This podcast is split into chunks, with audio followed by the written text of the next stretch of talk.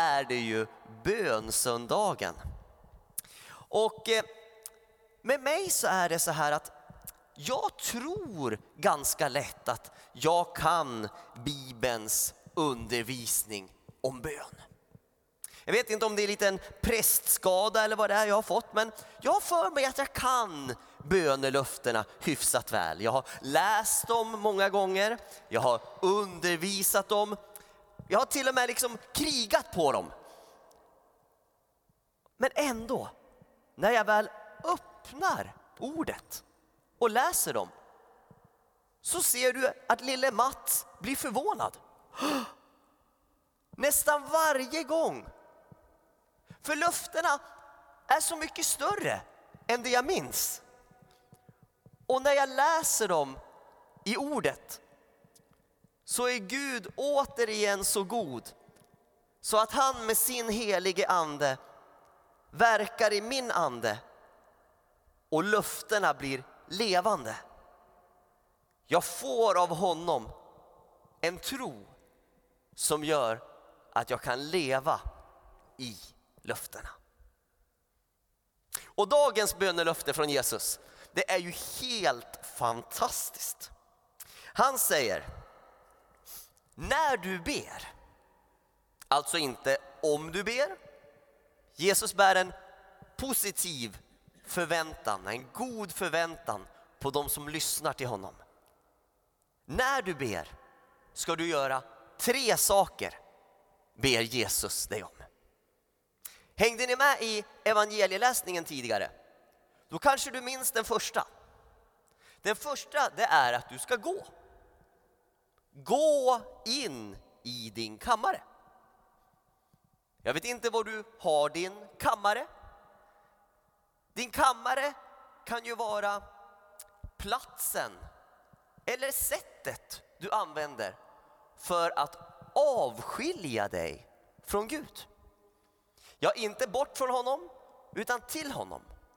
Avskilja dig för att allt annat ska komma till sidan och du ska få vara med honom.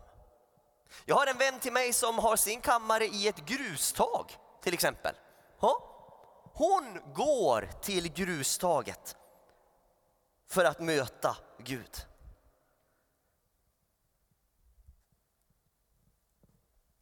Det är ju en väldigt avgörande sak att bli själv med Gud.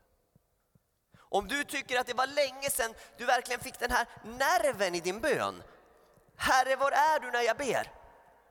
Det första är att gå till kammaren.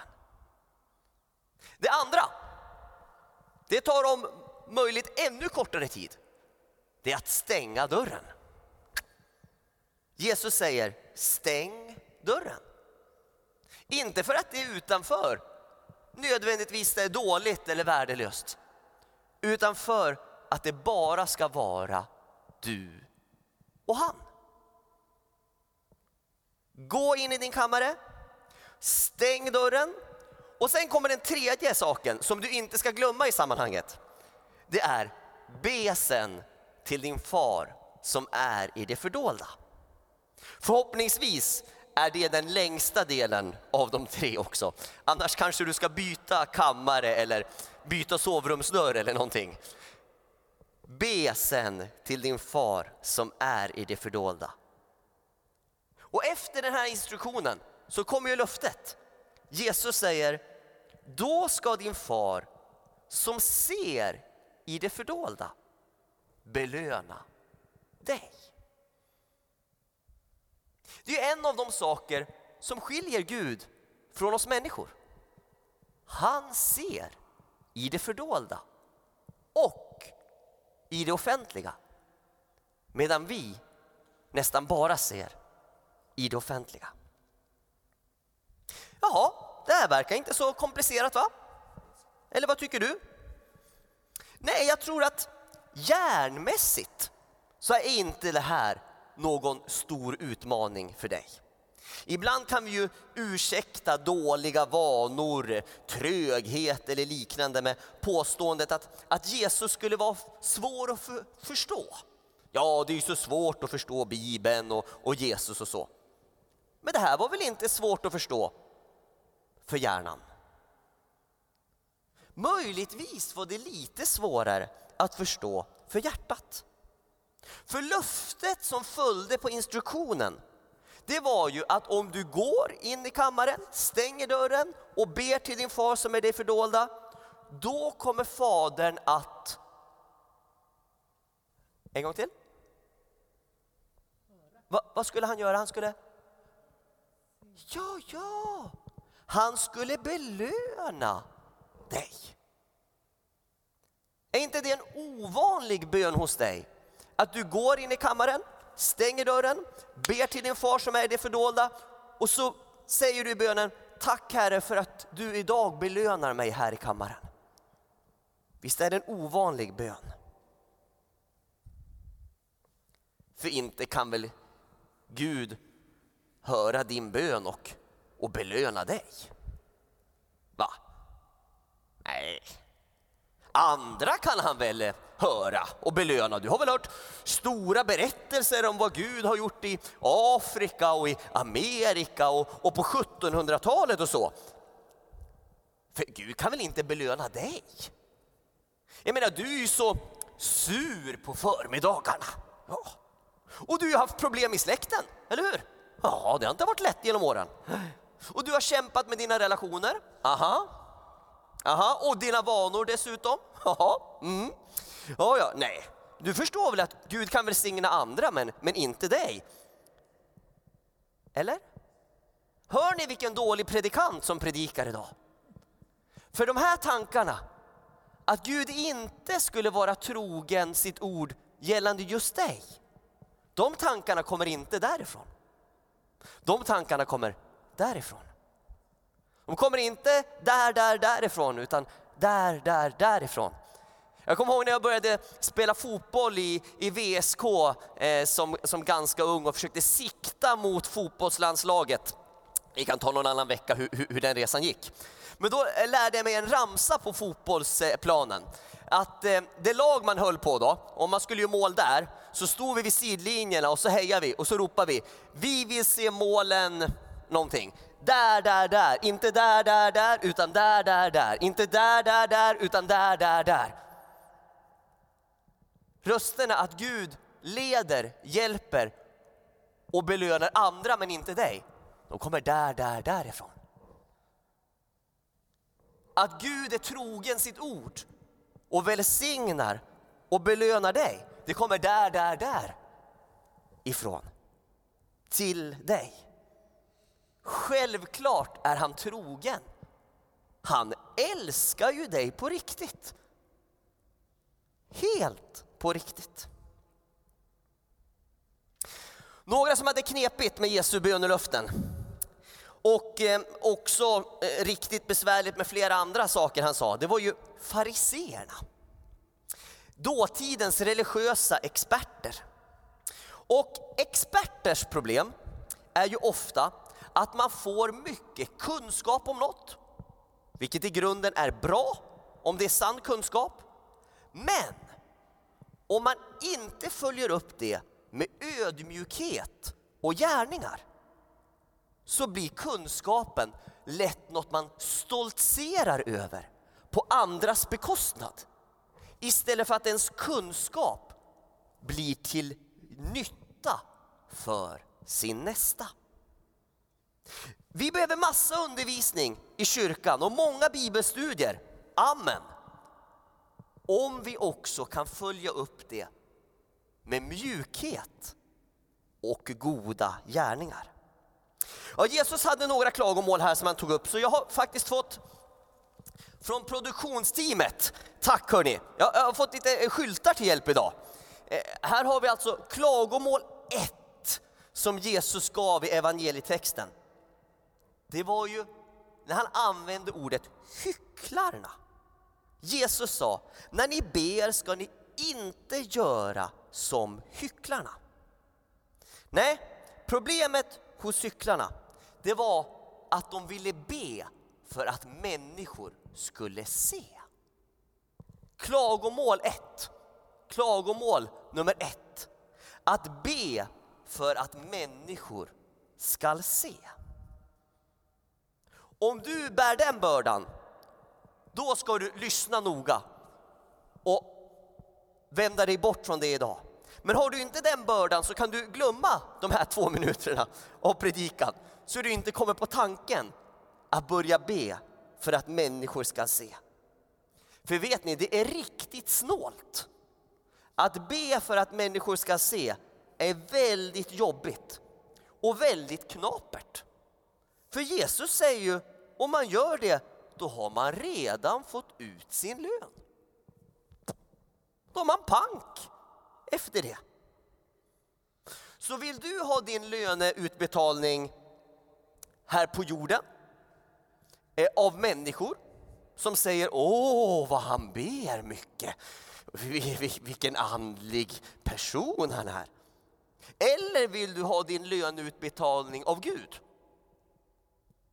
Både på jorden och i himlen. Om du vill ha löneutbetalningen av människor, då ber du så att andra ser. Om du vill ha löneutbetalning av Gud, då går du in i din kammare, stänger dörren och ber till din far som är i det fördolda. Glädjen att bli hörd av Gud istället för att bli sedd av människor, den är stor. Glädjen att bli hörd av Gud. Psalm 715. Människor glömmer mig, Herre du gömmer mig in till ditt hjärta och när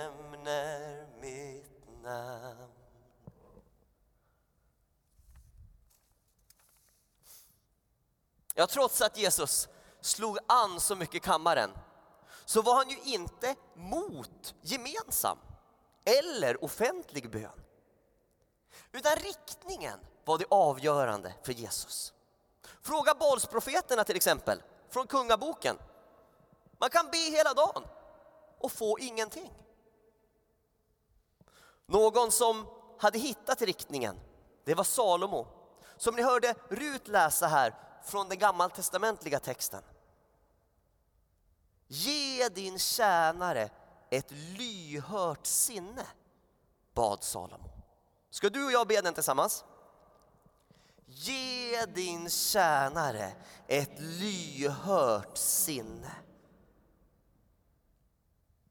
Och den här bönen behagade Herren, står det i skriften. Jesus hade ju ett klagomål till. Ja, jag har faktiskt fått två, eh, tre klagomålsskyltar. Eh, ett, två, tre klagomål. Det får ni den 23 augusti är det elfte söndagen efter trefaldighet, tro och liv, då ska vi prata mycket om Jesus och de skriftlärda. Men jag har bara två klagomål. Var glad för det. Bara två klagomål idag. Och det andra klagomålet var ju att be länge, eller ja, och be och rabbla tomma ord som hedningarna. Det var det andra klagomålet. Alltså, det kan vara bra att be länge, Men längden är inte avgörande. Charles Spurgeon sa Christians prayers are measured by weight and not by length. Kristnas böner mäts i vikt, inte i längd. Many of the most prevailing prayers have been as short as they were strong. Många av de mest uthålliga, genomslagsgivande bönerna har varit lika korta som de har varit starka. Jakobs brev lär oss att det tyvärr går att be dåligt och få ingenting. Historieskrivningen av Salomo lär oss att det är möjligt att behaga Gud med sin bön. Hur då? Jo, när bönen blir närhet, underordning, tro, vishet, beroende och den här andliga fattigdomen, fattigdomen, rikedomen av att förstå att inte ens nästa andetag kan jag ansvara för, Herre. Jag är helt i din hand. Så rabbla inte längre tomma ord om du försökt det när du ber. Episteltexten som vi hörde läsningen här. Episteln säger, vi vet ju inte hur vår bön egentligen bör vara. Men anden vädjar för oss med rop utan ord. Och han som utforskar våra hjärtan, hjärtkirurgen ni vet, vet vad anden menar eftersom anden vädjar för de heliga så som Gud vill. Wow! W-O-W får vara min bibelkommentar på det.